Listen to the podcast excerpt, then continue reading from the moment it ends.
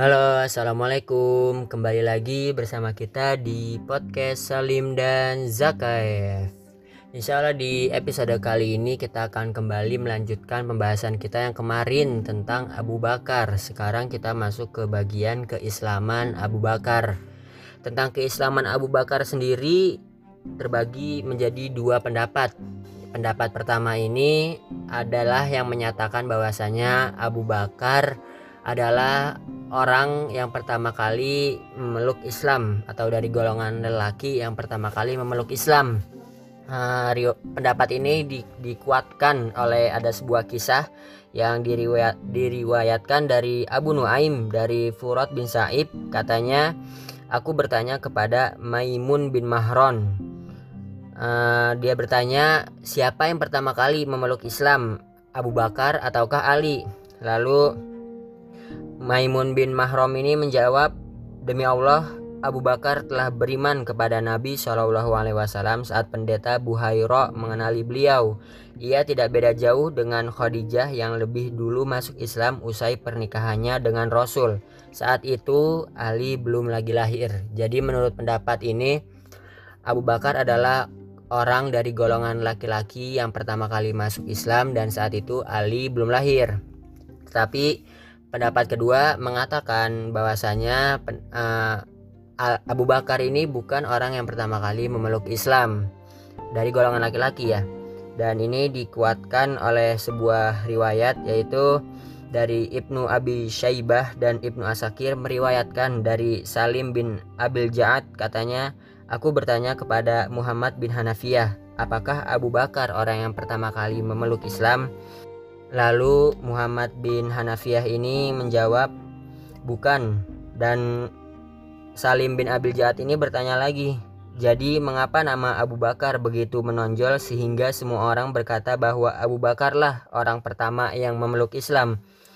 Dan dijawab lagi oleh Muhammad bin Hanafiyah karena ia adalah orang yang paling baik keislamannya sejak awal masuk Islam sampai menghadap Tuhannya. Nah, jadi menurut pendapat kedua Abu Bakar bukan orang dari golongan lelaki yang pertama kali masuk Islam tetapi Abu Bakar adalah orang yang paling baik keislamannya dari beliau pertama kali masuk Islam sampai wafat. Dan tetapi kedua pendapat ini dapat dikompromikan oleh ulama-ulama. Jadinya itu Abu Bakar adalah orang yang pertama kali memeluk Islam dari golongan lelaki dewasa. Ali adalah orang yang pertama kali memeluk Islam dari golongan anak-anak dan Khadijah dari golongan perempuan yang pertama kali memeluk Islam. Kompromi seperti ini dikemukakan oleh Imam Abu Hanifah.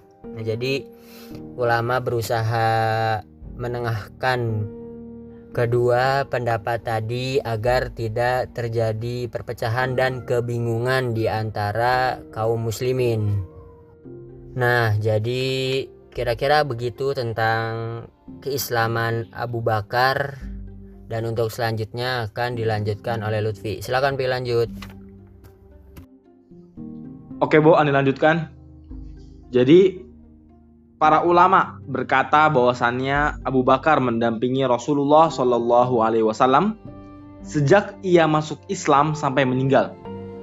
Ia tidak pernah berpisah dengan beliau baik saat bepergian maupun saat menetap, kecuali dalam situasi-situasi yang Rasulullah Shallallahu Alaihi Wasallam mengizinkannya meninggalkan beliau.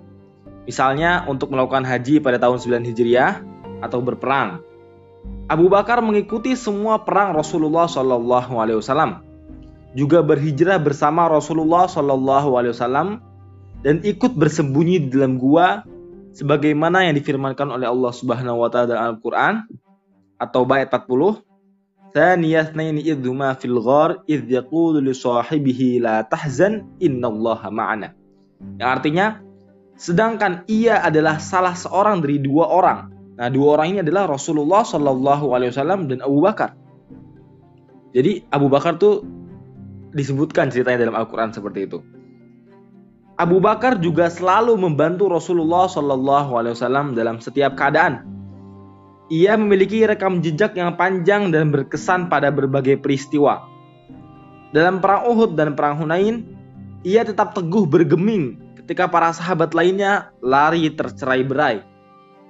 Kisah tentang hal ini akan dijelaskan dalam pembahasan selanjutnya tentang keberaniannya.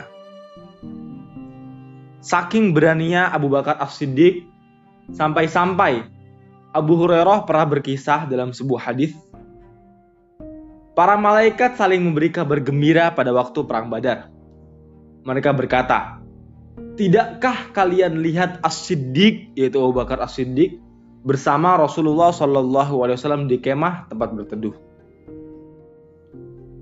Ali radhiyallahu anhu pernah berkisah bahwasannya Rasulullah Wasallam berkata kepadaku kepada Ali maksudnya dan kepada Abu Bakar sewaktu perang Badar.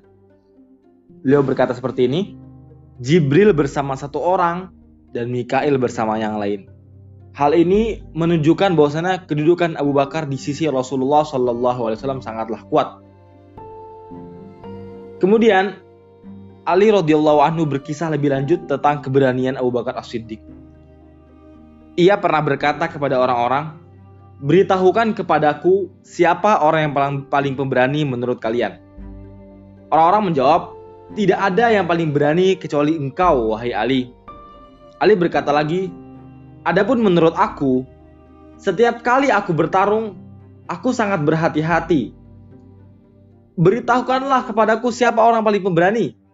Mereka menjawab lagi, kami tidak tahu. Memangnya siapa kalau bukan engkau yang paling pemberani, wahai Ali? Ali menjawab, ia adalah Abu Bakar As-Siddiq. Sesungguhnya ketika perang Badar, kami mendirikan sebuah tenda untuk Rasulullah Shallallahu Alaihi Wasallam lalu bertanya, siapa yang bersedia mendampingi Rasulullah Shallallahu Alaihi Wasallam agar tidak ada orang yang bisa mendekati beliau. Demi Allah, saat itu tidak satu pun dari kami yang maju kecuali Abu Bakar As-Siddiq. Ia siap dengan pedang terhunus di atas kepala Rasulullah Shallallahu Alaihi Wasallam. Tidak ada satu musuh pun yang mendekati Rasulullah Shallallahu Alaihi Wasallam kecuali Abu Bakar menghalaunya. Jadi menurutku ialah orang yang paling pemberani. Ali berkisah lebih lanjut bahwasanya pada saat Rasulullah Wasallam masih saat di Makkah waktu itu belum hijrah, Ali berkisah, aku melihat Rasulullah Wasallam diganggu oleh orang-orang Quraisy. Ada yang menghalang-halangi beliau, ada pula yang mengguncang-goncangkan beliau di tempat duduknya. Mereka berkata orang-orang Quraisy, Engkaukah yang menjadikan Tuhan yang banyak itu menjadi satu Tuhan saja? Demi Allah, tidak satu pun ada yang membela Rasulullah Shallallahu Alaihi Wasallam kecuali Abu Bakar. Ia menonjok satu dari mereka, lalu dengan cepat menyebabkan kerumunan seraya menghardik. Celakalah kalian semua. Apakah kalian akan membunuh orang yang berkata Tuhanku adalah Allah?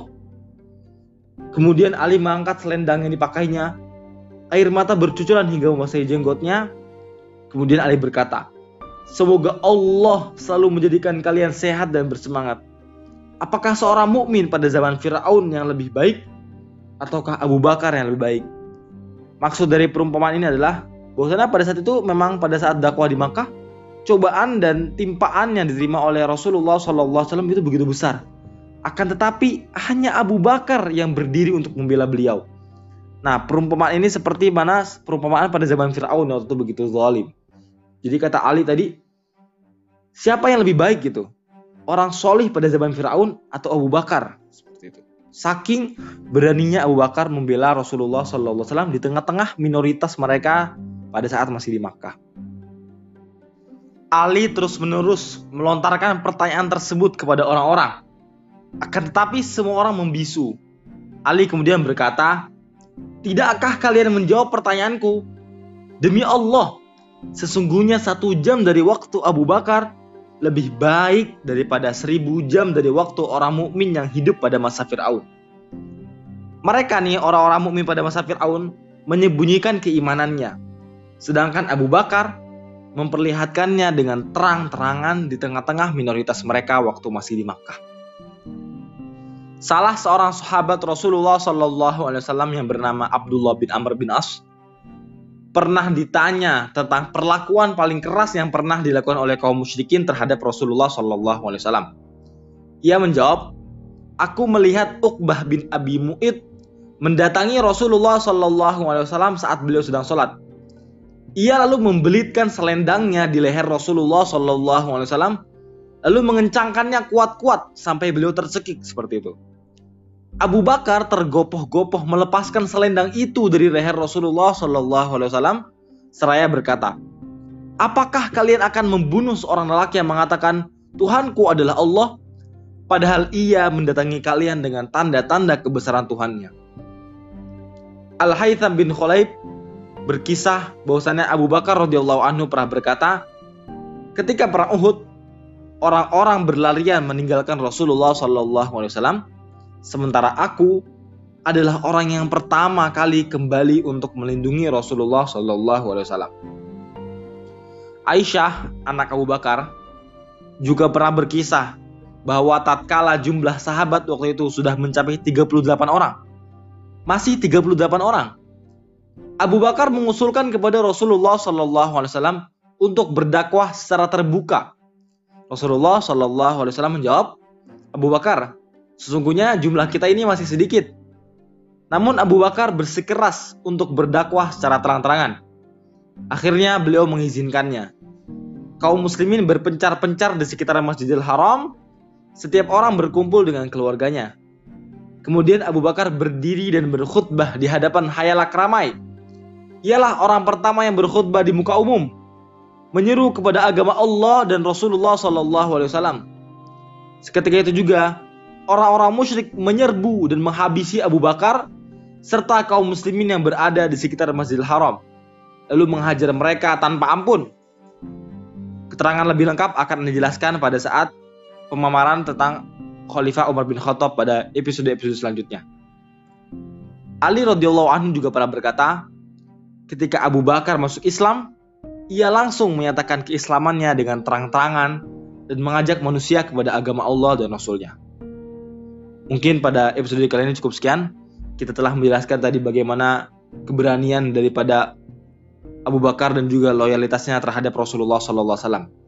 Semoga kita semua dapat meneladani sifat-sifat beliau. Kurang lebih mohon maaf. Barakallahu fikum. Wassalamualaikum warahmatullahi wabarakatuh.